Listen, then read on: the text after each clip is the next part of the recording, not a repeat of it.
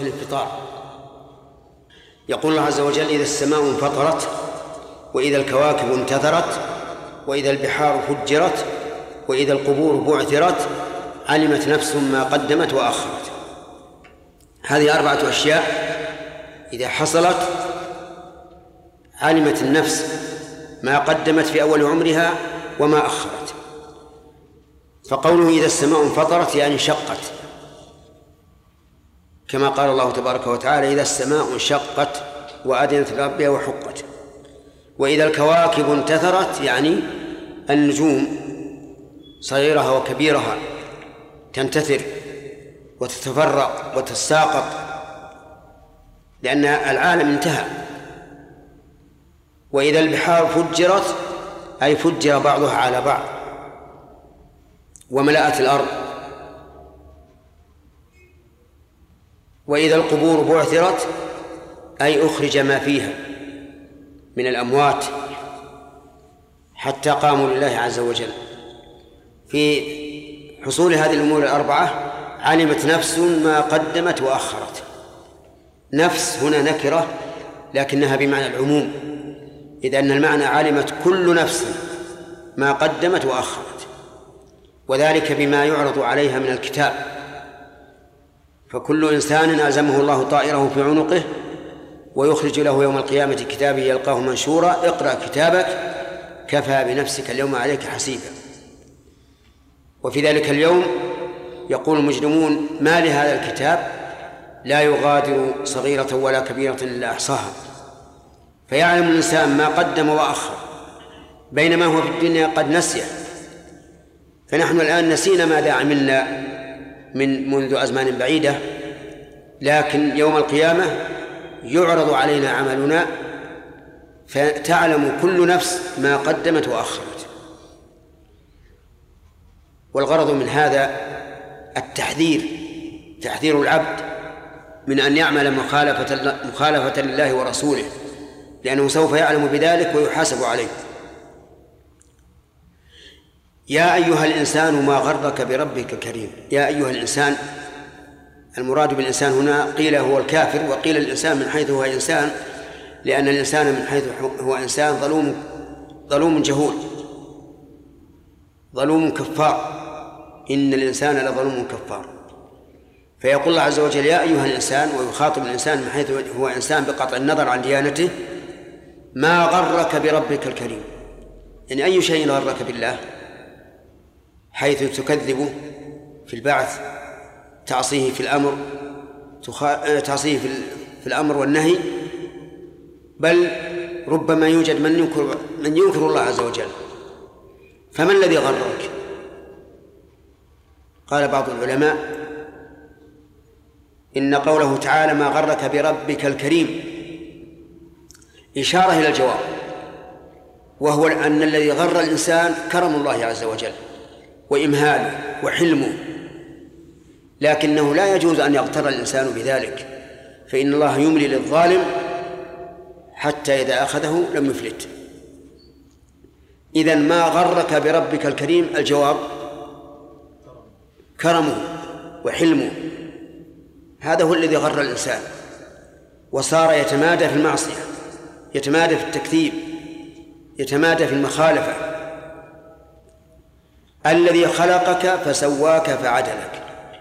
خلقك من العدم وأوجدك من العدم وسواك. جعلك مستوي الخلقة. ليست يد أطول من يد ولا رجل أطول من رجل ولا أصبع أطول من إصبع. بحسب اليدين والرجلين فتجد الطويل في يد هو الطويل في اليد الأخرى. والقصير هو القصير وهلم جرا سوى الله عز وجل الإنسان من كل ناحية من ناحية الخلقة. فعدلك وفي قراءة سبعية فعدلك أي جعلك معتدل القامة مستوي الخلقة. لست كالبهائم التي لم تكن معدلة بل تسير على يديها ورجليها. أما الإنسان فإنه خصه الله بهذه الخصيصة. في أي صورة ما شاء ركبك يعني الله ركبك في أي صورة شاء. من الناس من هو جميل ومنهم من قبيح ومنهم من المتوسط ومنهم الأبيض ومنهم الأحمر ومنهم الأسود ومنهم ما بين ذلك. أي صورة يركبك الله عز وجل على حسب مشيئته. ولكنه ولكنه عز وجل شاء للإنسان أن تكون صورته أحسن الصور. ثم قال كلا بل تكذبون بالدين. كلا حرف رد. بل للإضراب يعني مع هذا الخلق والإمداد والإعداد تكذبون بالدين. أي بالجزاء وتقولون إن هي إلا حياتنا الدنيا نموت ونحيا وما نحن وما نحن مبعوثين. فتكذبون بالدين أي بالجزاء.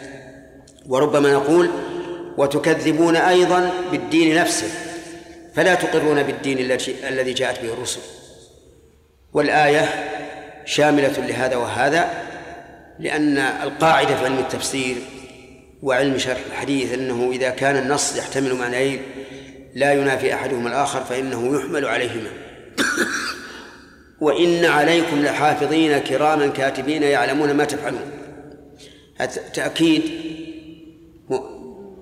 بمؤكدين. إن واللا وإن عليكم لحافظين. الإنسان لا عليه حافظ يحفظه ويكتب كل ما عمل قال الله تعالى ما يلفظ من قول إلا لديه رقيب عتيد. فعلى كل إنسان حفظة. يكتبون كل ما قال كل ما فعل. وهؤلاء الحفظة كرام. ليسوا لآمن. بل عندهم من الكرم. ما ينافي أن يظلموا أحدا فيكتبوا عليه ما لم يعمل أو يهدروا ما عمل. لأنهم موصوفون بالكرم. يعلمون ما تفعلون.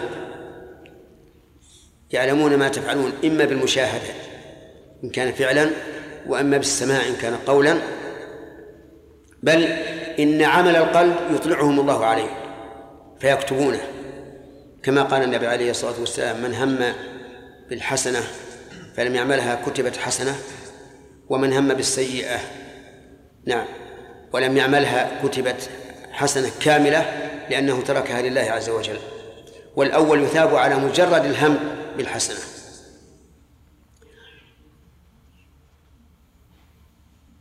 إن الأبرار لفي نعيم.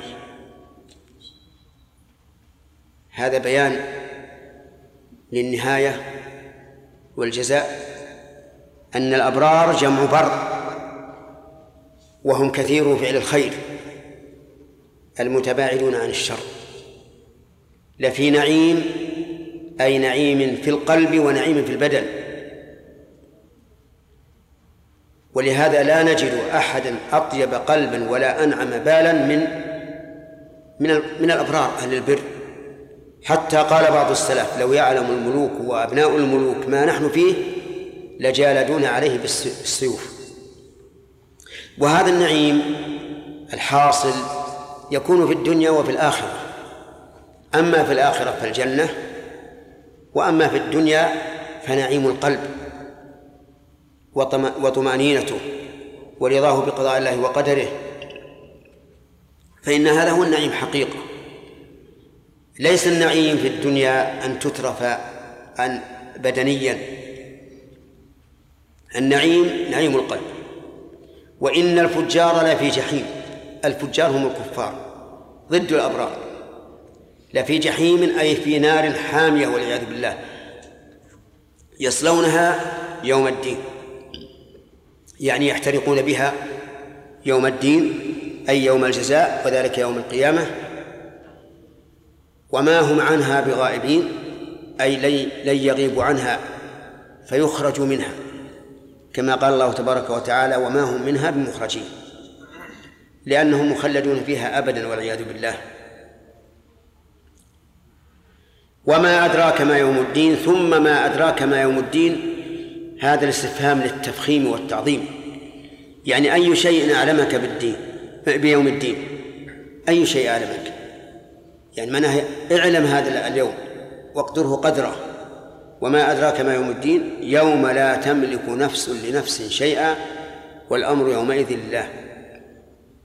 في يوم القيامة لا أحد يملك لأحد شيئا. لا بجلب خير ولا بجلب دفع ضرر إلا بإذن الله عز وجل. لقوله والأمر يومئذ لله. في الدنيا هناك أناس يأمرون من الأمراء والوزراء والرؤساء والآباء والأمهات لكن في الآخرة ما فيه. الأمر لله عز وجل. ولا تملك نفس لنفس شيئا إلا بإذن الله. ولهذا كان الناس في ذلك اليوم يلحقهم من الغم والكرب ما لا يطيقون ثم يطلبون الشفاعة من آدم ثم نوح ثم إبراهيم ثم موسى ثم عيسى حتى تنتهي إلى نبينا صلى الله عليه وعلى آله وسلم فيشفع بإذن الله فيريح الله العالم من الموقف. والأمر يومئذ لله فإن قال قائل أليس الأمر لله في ذلك اليوم وفي غيره؟ قلنا بلى الأمر لله تعالى. في يوم الدين وفي وفيما قبله. لكن ظهور أمره في ذلك اليوم أكثر بكثير من ظهور أمره في الدنيا. لأن في الدنيا يخالف الإنسان أوامر الله عز وجل ويطيع أمر أمر سيده. فلا يكون الأمر لله بالنسبة لهذا. لكن في الآخرة ما في إلا إلا أمر الله عز وجل. وهذا كقوله تعالى لمن الملك اليوم لله الواحد القهار والملك لله في الدنيا وفي الآخرة. لكن في ذلك اليوم يظهر ملكوت ملكوت الله عز وجل وأمره ويتبين أنه ليس هناك آمر في ذلك اليوم إلا إلا الله عز وجل.